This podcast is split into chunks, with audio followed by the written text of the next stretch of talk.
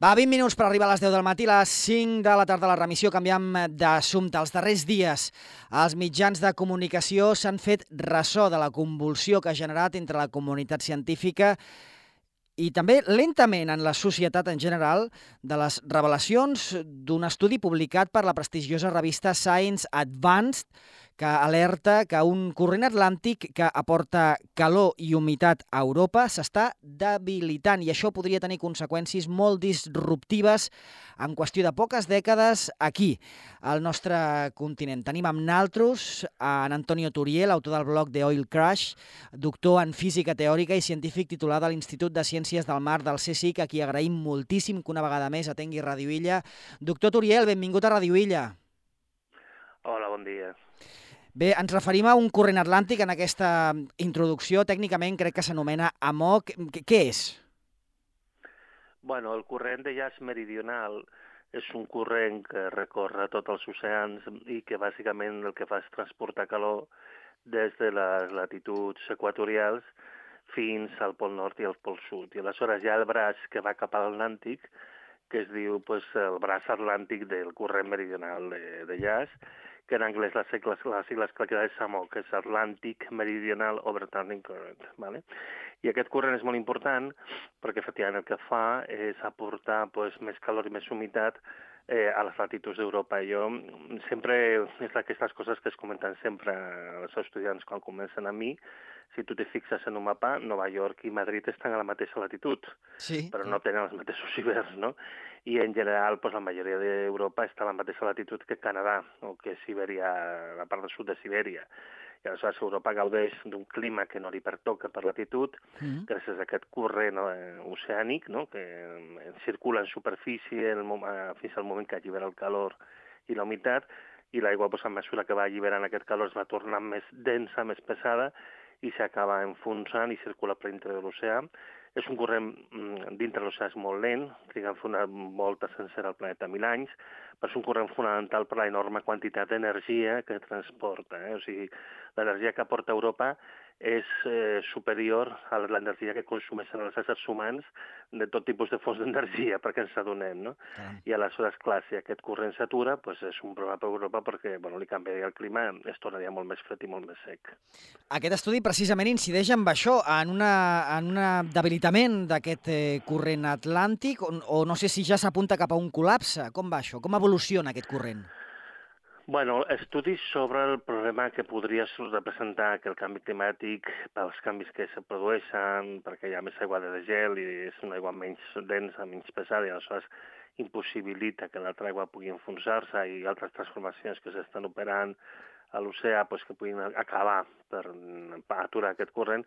Estudis sobre això n'hi ha des de fa uns 50-60 anys, eh? no, no és una cosa realment novedosa, el que és novedós és que cada cop tenim més eines, més eh, instruments, models numèrics, mesures de satèl·lit, també estem prenent mesures sistemàtiques a certs paral·lels en tot un sistema de, de sensors eh, submarins, que això va començar el 2004, i això és clar, cada cop tenim més maneres de saber exactament què és el que està passant. I sí, l'estudi aquest en concret, el que té que és molt impactant, diguem-ne, és que és la primera vegada que s'aconsegueix en un model numèric dels que es fan servir per l'IPCC, de reproduir aquest fenomen i així pots estudiar una mica les seves conseqüències. És un estudi que molta gent no, no l'ha entès, que és el que estan fent allà, perquè mm. és molt tècnic, és un estudi de sensibilitat. El que es tracta de veure és a quin valor es produiria aquest col·lapse i un cop es produeix com es pot fer per detectar-ho primerament de manera primerenca, no? amb, amb anticipació, això per una banda, i a més a més quines conseqüències tindria pel clima global, que és el que va l'estudi. I després van al món real i miren perquè es determina un indicador d'alerta temprana, diríem, i eh, mirant al món real aquest indicador eh, quin valor té. I el que veiem és que està molt malament. o sigui que estarien a prop d'una situació en la que es podria arribar a produir un, un col·lapse d'aquest corrent, amb totes les conseqüències que té, que afectarien enormement a Europa, però no només a Europa, eh? O sigui, afectaria també a la selva amazònica, a la selva africana i al subcontinent indi. O sigui, al final hi hauria uns 3.000 milions de persones que estarien greument afectades per, pel canvi d'aquest corrent. Ara repassarem quins seran aquests efectes, però o sigui, mm, pel que he entès s'està constatant que efectivament ja no és, diguem-ne, un pronòstic, sinó que és una realitat, eh, diguem-ne, comprovada de que està evolucionant, s'està debilitant aquest corrent. I, hi ha algun termini, diguem-ne, de, de, o una franja d'anys eh, respecte a l'evolució d'aquest eh, corrent i si realment arribarà a col·lapsar? Hi ha, com dic, hi ha hagut tot un seguit d'estudis i últimament hi ha, menys, hi ha més sobre, sobre aquest problema perquè tenim més dades i ja tenim més medicions i més històries i aleshores ja va sortir una estimació l'any passat de que el col·lapse d'aquest corrent es podria produir durant aquest segle mm. i, de fet, la data de col·lapse podia ser qualsevol moment entre l'any 2025 i l'any 2095, o sigui, bàsicament en qualsevol moment d'aquest segle, no? Sí. que es produiria aquest col·lapse. I aquest estudi eh, el que fa és una mica recalcar el mateix, és a dir, el valor en el que estem ara mateix de l'indicador d'alta tempranera doncs ja ens està dient que, que podria produir-se en qualsevol moment, però en qualsevol cas sembla evident que es produiria dins d'aquest segle si no es produeix un canvi radical. També d'aquí l'alarma. No? Eh, el moment que es produeix el col·lapse d'aquest corrent s'inicia un procés que no és immediat, no és instantani, no, no, no és la pel·lícula aquella del dia de mañana, sí. no té res que veure, és un procés molt més lent, és un procés que s'allargaria durant dècades, entre 25 i 50 anys, i aleshores en aquest període el que veuríem és que les temperatures mitjanes a Europa caurien 10, grau, 10 graus per dècada. Amb la qual cosa, en relativament poc temps, en un parell de dècades, Europa es tornaria pràcticament inevitable i al final arriba el moment que una bona part d'Europa, fins a París més o menys, estaria cobert pel gel de l'Àrtic i la resta es convertiria en una tundra i a nivell de la península i de les illes i en general els països mediterranis l'afectació l'afectació a nivell de temperatura seria més petita, estaries parlant d'una caiguda d'un parell de graus que compensa l'escalfament del canvi climàtic, sí. vale?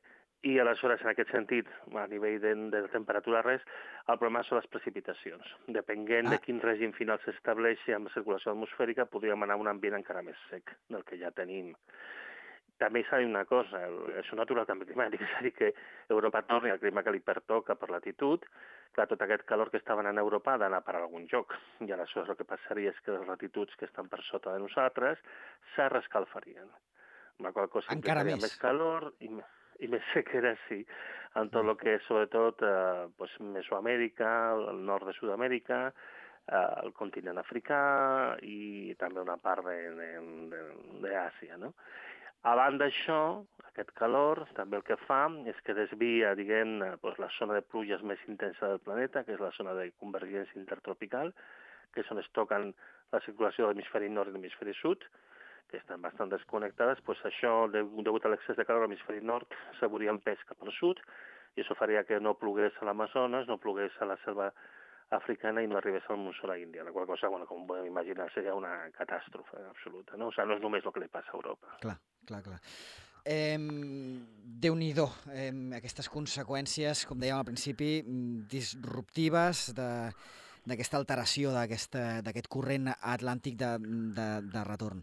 Bé, eh, parlant d'Europa, és veritat que les conseqüències són globals, però mm, centrem-nos en Europa també per un tema de proximitat. Si ho he entès bé, o sigui, de, de París cap a dalt, si col·lapsa aquest corrent, doncs estaríem parlant d'un un sistema, un hàbitat glaciar, i de París cap a baix, com una mena com de tundra mm, amb molt poca precipitació. Com quedem les Balears? Com quedaria, diguem-ne, Formentera, que està al Mediterrani occidental una mica tocant cap al sud més aviat? Bueno, en general, els països riberencs de la Mediterrània s'emporten la millor part. Les zones habitables d'Europa estarien als països, pues això, que estan a l'àmbit mediterrani, o sigui, el que és eh, la península ibèrica, perquè, eh, tot i que la zona atlàntica, però també quedaria bastant habitable tota la península ibèrica en su conjunt, evidentment les Illes Balears, evidentment Itàlia, i Grècia i tot això, i una miqueta al sud de França, aquestes serien les zones habitables. El problema, però, com he dit, és que s'hauria d'analitzar el règim de pluges, perquè Clar. així com a temperatura, les temperatures serien equivalents a les que hi havia l'any 1900, o sigui, cap problema per aquí. De fet, és una mica més fresc que l'actual, però bé, en sentit estaríem bé, diguem-ne. Sí, sí, sí. El problema és la pluja, és a dir, perquè el problema que pot passar és que s'estableixi un sistema anticiclònic més o menys permanent i aleshores aquí sí que serà un problema perquè no plouria. Això és bastant incert. També s'ha de dir una cosa, en aquest estudi la variable de canvi climàtic no s'incorpora, aquí simplement es miren com reacciona el sistema a un excés d'aigua dolça en superfície, mm. però mantenint els nivells de concentració de gasos de gasos d'efecte hivernacle i, i de més, amb la qual cosa, quan incorpores això, també se produirien alteracions. L'efecte dominant igualment és que Europa és, és, és gela, diguem-ne, no? Però sobretot pel que interessa a les nostres latituds és molt important saber exactament un, un escenari de canvi climàtic, perquè en general una de les coses que s'observen, i és bueno, part del meu treball precisament a l'Institut de Ciències del Mar, és una acceleració del cicle de l'aigua. Aleshores, depenent de com s'ajustés localment, podrien tenir sort i podria ser que plogués més. ¿vale? A priori, les cartes que ens toquen és que plouria menys, o sigui que en principi no són notícies positives. Però com dic, aquí sí que s'ha de fer estudis més aprofundits.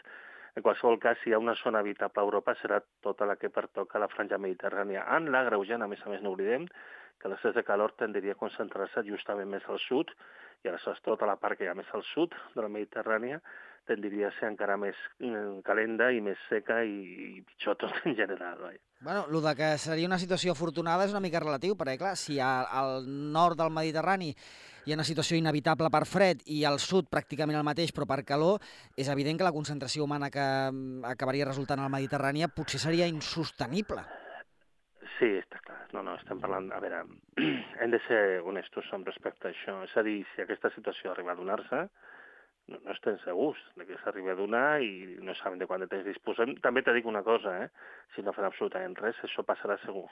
Perquè aquest és el punt. A mi em fa gràcia quan se centra molt l'esforç a intentar predir quan, quan, bueno, quan, jo dic, si no canvies, ho estàs fent inevitable. Yeah. I jo penso el primer i em vaig importar missatge a transmetre. Però, evidentment, estem parlant d'una catàstrofe humanitària de grans dimensions de dimensions bíbliques. Es podria dir, clar, hi ha 400 milions d'europeus que s'haurien de moure on són i el cap on aniran cap al sud. I després pues, estàs parlant de que de 200 milions d'africans que haurien d'emigrar probablement cap al nord o cap al sud, no sé. Eh, no, no, no, és, és, és tremendo. O sigui, és una... I els impactes serien brutals i estem parlant evidentment, moltíssima inestabilitat, guerres i tot tipus de problemes, eh? perquè a més és un canvi que en el moment que es produeixi, o sigui, tenim, abans d'un segle tot el canvi s'hauria produït per complet, però a més és un canvi progressiu, es comença a notar des del moment que es comença a produir. Amb la qual cosa ja en un parell de dècades la situació seria bastant dolenta. O sigui que, bueno, mmm, sí, sí, sí, o sigui, fins i tot que la, la Mediterrània fos habitable, que no hi hagués aquest problema de, de, de pluviometria, de, de pluja, igualment el drama humà seria immens, seria immens. Per això és una cosa que s'ha d'intentar evitar de totes, totes, o sigui, fer un esforç perquè això no passi. I com dic, al marge d'aquests estudis, que ja n'hi ha, ha moltíssims, eh? o sigui, estàs parlant de desenes i desenes d'estudis, eh, sobretot els últims anys, jo crec que el punt més clau és tenim la seguretat de que si no reaccionem, si no fem un canvi radical, això passarà amb tota seguretat. Com podem reaccionar? Què podem fer-hi? Ja ho sabem. Tots ho sabem. Ja. És que és molt senzill, tots ho sabem. El que passa és que no ho volem fer perquè sabem també el que comporta, però ho sabem de sobre. És a dir, quin és el problema del canvi climàtic? Els combustibles fòssils. Hem de deixar de cremar combustibles fòssils. Combustibles fòssils, a més a més, que cada cop estan tornant-se més escassos, perquè aquesta és l'altra derivada, que hi ha un problema d'escassedat, i el que extraguem també pues, cada cop genera més CO2 perquè també pues, són més dolents, costa més d'extreure, generar més residus, etc etc. Sigui, el que hauríem de fer és frenar, hauríem de frenar però què passa? Que té un impacte econòmic salvatge i aquesta és la raó real. Per què va passar en cimera del clima a cimera del clima no canvia res? Perquè al final canviar implica fer una transformació econòmica tan tremenda que és que ningú no s'ho planteja. Per exemple, on queda el turisme en una situació de, diguem anem a reduir el consum de combustibles fòssils al mínim possible. Clar, això, per exemple, parlant de les illes, no? Pues clar, és que és la principal indústria. És que i aleshores, com replanteges tot això? Jo, jo entenc que és un, és un canvi molt radical i molt fort, però com dic, si no fem res, el que passarà, això que estem parlant serà inevitable. Aleshores, bueno, hauríem de seure tots. Jo entenc, a més a més, bueno, també no oblidem que a Espanya estem vivint una cosa que relativament recent, aquest negacionisme climàtic que mai havia estat tan fort com està ara mateix al país, i aleshores, bueno, pues jo penso que s'ha de fer molta pedagogia, s'ha d'explicar, i a veure, hi ha un punt que és evident, eh? també moltes, moltes vegades la gent reacciona contra les polítiques climàtiques perquè el tipus de polítiques climàtiques que s'acaba fent és un tipus de política que és molt injust, que és sobretot sí. perjudicar a la gent més humil, no? Uh -huh. I aleshores, no, no, hem de fer polítiques climàtiques per començar honestes i parlar les coses i discutir-les i veure com fem això entre tots, com ho repartim i com ho ajustem. Però clar, és una transformació tan salvatge que ningú no té valor. Si, Mira, jo visc a Catalunya. Tenim una situació que era impressionant. Mm. No hi ha hagut manera de reaccionar fins que no està realment una situació molt apurada. I sembla una cosa que era tan flagrant i evident com aquesta han viscut això, davant d'aquest problema, que és una més càmera lenta, doncs és molt difícil de reaccionar, però en el fons tots sabem perfectament el que s'hauria de fer. També t'he dit que jo hi ha moltes mesures que s'inscriuen dins, dins el que avui es diu a política climàtica jo no sóc d'acord, perquè jo penso que no són justes, no són les que s'haurien de fer. Algun exemple significatiu? Bueno, hi ha moltes cosetes eh, que passa que són molt curioses. No? Per exemple, el plantejament de les zones de baixes emissions en general, que s'està fent a moltes ciutats, mm. és un objectiu evidentment mm, desitjable, no? reduir les emissions i tot això, però la manera de fer aquest control és un control per renda, és a dir, el que es pot permetre el luxe de pagar un cotxe més car que no queda clar si és realment tant de baixes emissions com es diu, aquest se dona l'etiqueta eco i pot entrar. I la gent, doncs els treballadors que han de desplaçar-se potser des del seu domicili, que el transport públic no és tan bo com hauria de ser, doncs aquests no, aquests no poden entrar. No? I estic pensant, per exemple, en l'àmbit de la ciutat de Barcelona, no? treballo. Ja, ja. Doncs aquest tipus de polítiques és evident que tindrà una contestació, no? Ara hem viscut aquests dies les mobilitzacions del camp mm. i de les coses que es queixaven era, clar, tota aquesta regulació de fitosanitaris, Exacte. que és més estricta, que està intentant imposar Europa, ¿vale? que saben que l'han de fer perquè aquestes substàncies ens estan matant, literalment. Però la manera de fer-ho és una manera que perjudica el pagès. I aleshores, bueno, és que tu has de donar alternatives, has de no sé, has de mirar el problema en la seva globalitat i després, a més, no pots fer la hipocresia d'importar aliments d'altres llocs que no respecten aquesta normativa. No s'has d'imposar aranzels dient, no, escolta, jo de llocs que no respecten el medi ambient a l'estàndard que jo demano, no els vull o els poso un encariment Exacte. per compensar això. No? Hi ha moltes coses d'aquest estil i és normal que hi hagi rebuig perquè, a veure, la gent tampoc es llepa el dit. I ja veu el que està passant. Aleshores, s'han de fer mesures realment, que realment intentin ser justes, intentin ser equilibrades i intentin repartir, eh, repartir aquesta càrrega que és molt grossa. Escolti, ens arriba una pregunta d'un oient, en Sergi Ribas, eh, pregunta què opina vostè dels fons Next Generation, que en principi precisament volen eh, doncs, donar cabuda a aquest tipus de mm, eh, polítiques eh, en favor de la sostenibilitat. Aquí a Formentera, per exemple, s'instal·laran unes plaques al camp de futbol amb, aquest, eh, amb aquests fons, entre altres actuacions. Eh? Clar, el problema dels fons de Generation és que és un calaix desastre, un calaix amb els andresos, que hi ha de tot aquí. I aleshores el problema és que la majoria d'aquests fons estan sent aprofitats per grans empreses per fer projectes industrials de rendibilitat dubtosa, també a més a més l'has de dir, perquè també soc molt crítica amb el model de desplegament renovable que s'està proposant, mm. uh, però que ho fan bàsicament perquè els donen diners per construir i mira, i, els, i, i ja està, i, i fem el negoci que sobretot és construir, no? També s'ha de pensar que la meitat d'aquests fons són, són crèdits que s'hauran de tornar.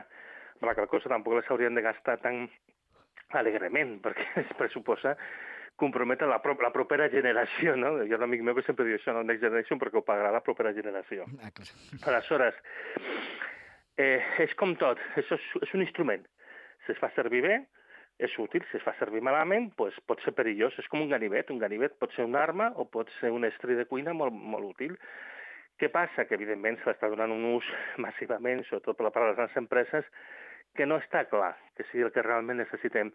No només això, està servint per alimentar tota una sèrie de, com diuen els joves ara, um, hypes, no? d'exageracions, no? eh, que són molt pernicioses perquè es donen a entendre que faran coses que no és evident que es puguin fer. Per exemple, tot el que hi ha al voltant del cotxe elèctric, de l'hidrogen verd, etc etc s'està exagerant moltíssim, són tecnologies eines que tenen el seu rang d'utilitat, però que no és tan ampli com es, es, es pretén fer creure, i al final pues, el que aquí implica és una disbauxa, una, una despesa enorme de diners, que no està clar que al final sigui profitosa de cara al que vindrà a continuació. No, no, és que això no hi després. Bueno, bueno, ja ho veurem.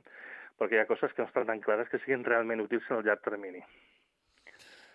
Déu nhi mm, El que està clar és que veient aquest panorama que tenim al davant, una planificació, una mena com de consens eh, internacional, planetari, m'atreviria a dir, és necessari, però clar, mm. vista la situació geopolítica actual, cada vegada més polaritzada, francament, no anem per bon camí, doctor.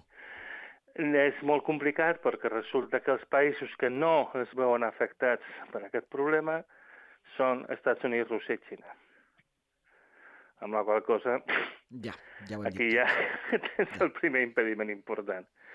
Que si en ells aquest problema no els afectarà pas, pues ja... Però sí, efectivament, caldria una concertació internacional a gran escala perquè la magnitud del problema és que acaba afectant quasi la meitat de la humanitat, eh? I a nivell de que s'haurien de desplaçar, s'haurien de moure de, dels llocs que viuen. Bueno, és molt complicat. De totes maneres, eh, el planeta guarda algunes altres sorpreses en reserva, eh? Jo aquests que pensen, ah, mira, pues ara que els europeus que, que, que, que, que, que els bombin, no? I demés, dic, bueno, vigilem perquè el col·lapse de la MOC és el que s'anomena un tipping point, un punt, un punt de no retorn sí. del sistema planetari. Hi ha diversos punts de no retorn al sistema planetari i el problema que hi ha és que un cop desencadenes un i poden venir altres com, com les fitxes del dominó aleshores sí, poden acabar desencadenant tot un seguit de processos que sí que afectarien a tots els països del món. O sigui que jo penso que si podem evitar traspassar aquest llindar tan perillós, jo penso que seria bastant recomanable per a tothom. Doctor Antonio Turiel, una vegada més, moltíssimes gràcies per atendre aquí a Radio Villa, la ràdio pública de Formentera. Moltíssimes gràcies i molta, molta sort. Moltes gràcies.